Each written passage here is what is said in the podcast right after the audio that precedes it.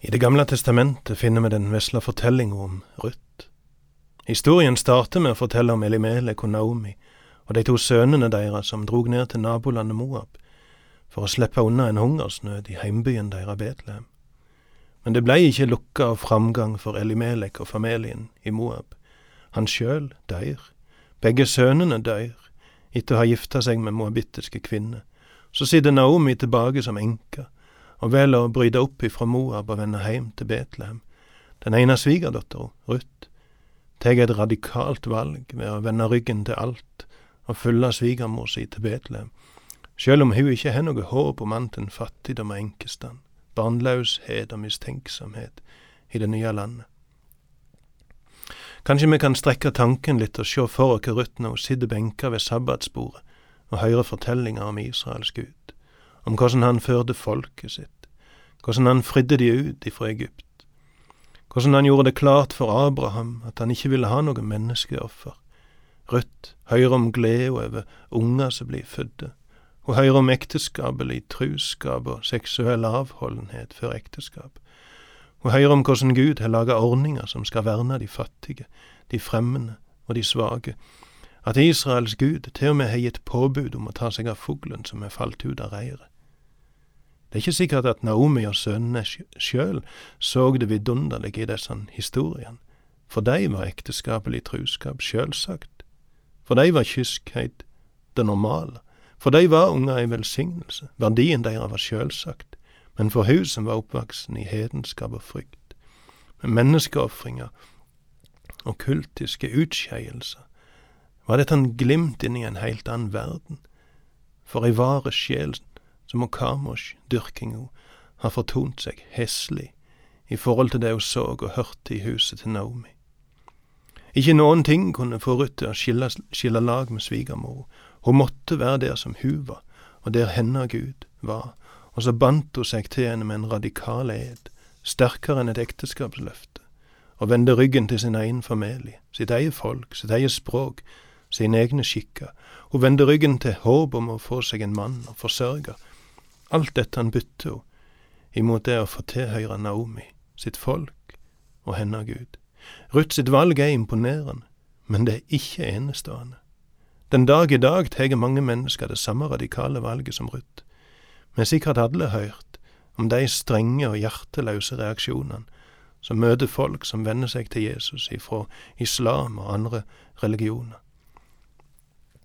Utstøtt av familien, oppsagt ifra arbeid, venner som snur ryggen til de, trakassering, mordforsøk, likevel gjør de det. Og det er ikke gull og grønne skoger som lokker de. Jeg hørte om ei ung somaliske mor som hadde blitt kristen. Hun utbrøt jeg skulle ønske at det hadde vært ei kirke her, og så kunne jeg vært lederen. Og så har hun ei jente på 15 år som sier og når de kjem og tar deg, da kan jeg overta.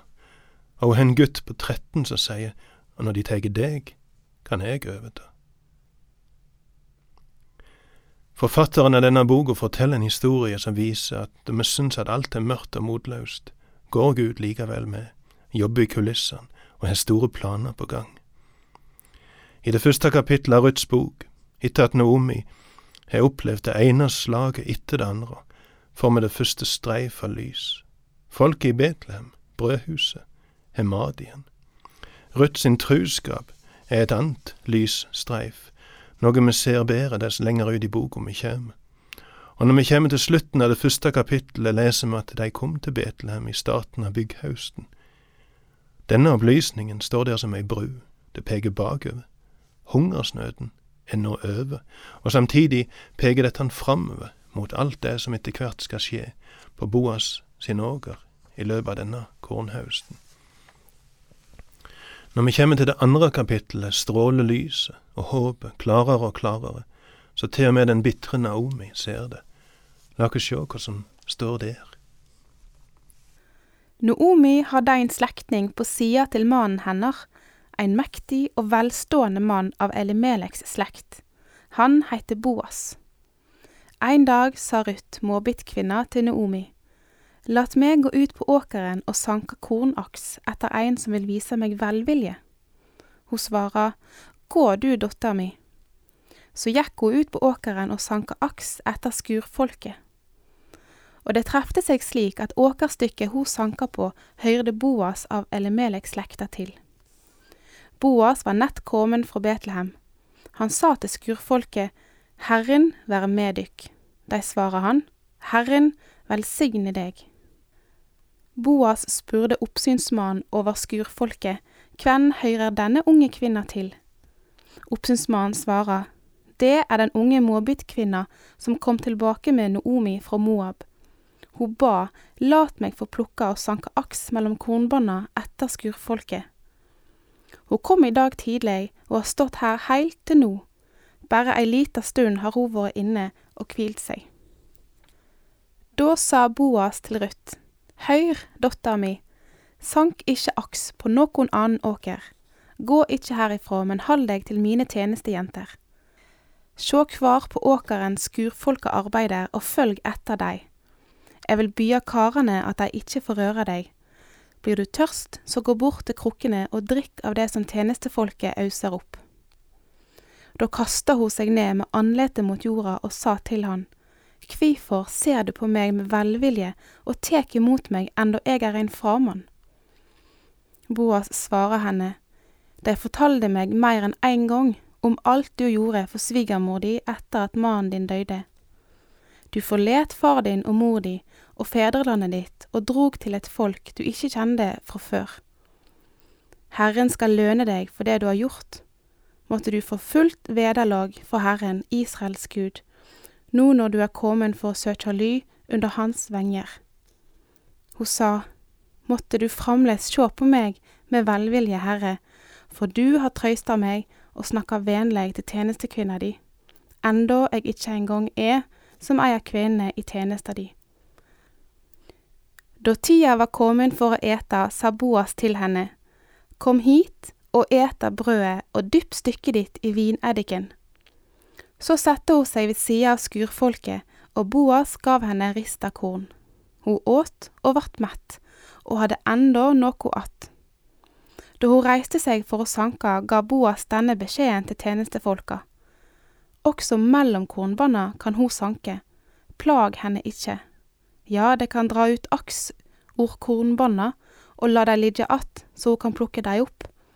Ingen må truga henne. Så sanka Ruth aks på åkeren heilt til kvelden. Da hun banka kornet ut ord aksa, vart det om lag ein efa bygg.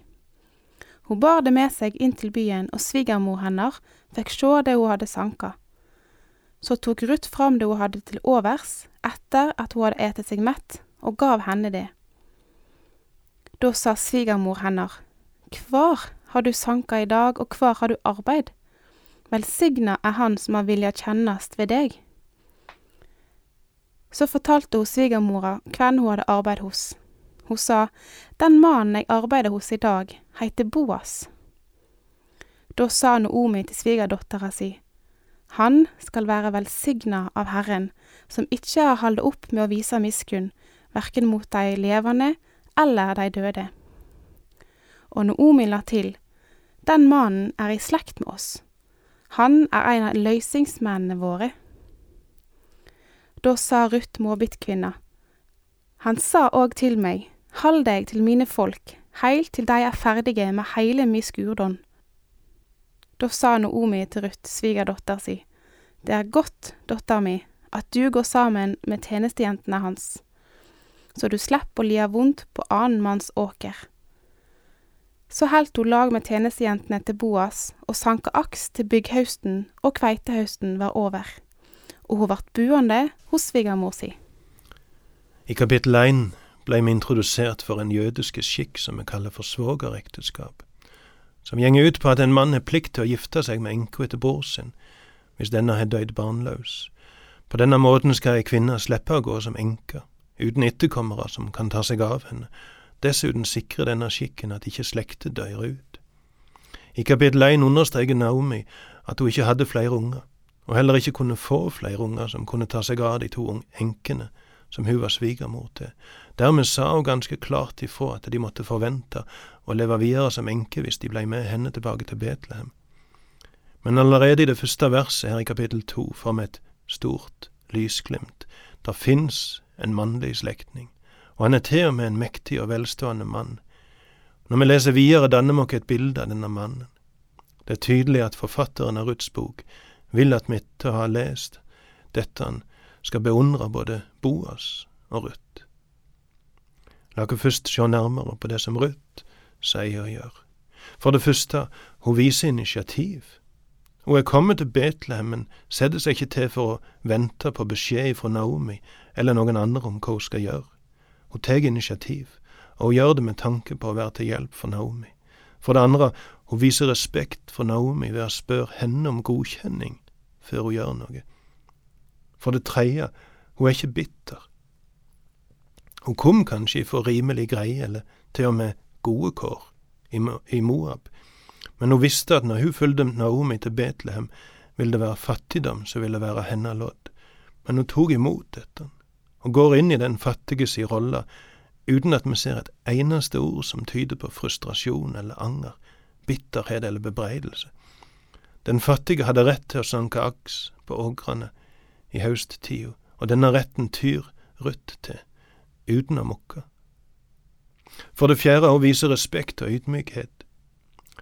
Da hun ved en gudfeldighet havner på ågeren til Boas, møter hun mannen som er sett til å ha oppsyn med arbeidsfolkene hans. Etter loven hadde Ruth en rett til å sanke aks på denne ågeren, men i plassen for å hevde sin rett, ber hun denne tjeneren om lov til å sanke aks. Og for det femte, hun er driftig. Da Boas sjøl kom på ågeren et stykke lenger ut på dagen, møter hun en arbeidsformann som er tydelig imponert over hvordan Ruth har arbeidet. Hun kom i dag tidlig, hun har stått her heilt til nå. Bare ei lita stund har hun vært inne og hvilt seg, sier han. Når vi leser videre, ser vi at Ruth står på til dess det blir kveld. Deretter banker hun ut kornet. Og så bar hun den, det ferdige kodden inn til byen og heim til Naomi. Vi leser at det kodden hun hadde sanka, blei så mye som en hefa, det vil si ca. 36 liter. Det er så mye kodden at Naomi blir overvelda når hun kommer heim.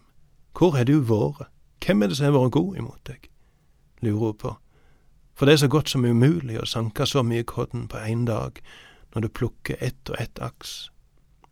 For det sjette, Ruth viser takknemlighet. Når Boas kommer på ågeren og snakker mildt til henne, blir hun overvelda. Hun har ikke venta godhet ifra noen. Hun hadde forventa skepsis, fordommer og kanskje å få spydige ord slengt etter seg, men hun møter godhet og blir overvelda og bryter ut i takk for det. For det sjuende, hun er omsorgsfull, måteholden og gavmild. Når Boas gir henne mat, er hun ikke opp alt, men hun sparer en del av det, tar vare på det og gi det til Naomi når hun kommer hjem om kvelden. Forfatteren vil at vi skal få respekt for henne, og når vi får se det radikale og beundringsverdige brådet med heimen i Moab, omsorgen og respekten for svigermor, tiltakslyst og flit, ydmykhet, takknemlighet, gavmildhet. Da kan vi ikke annet enn beundre henne.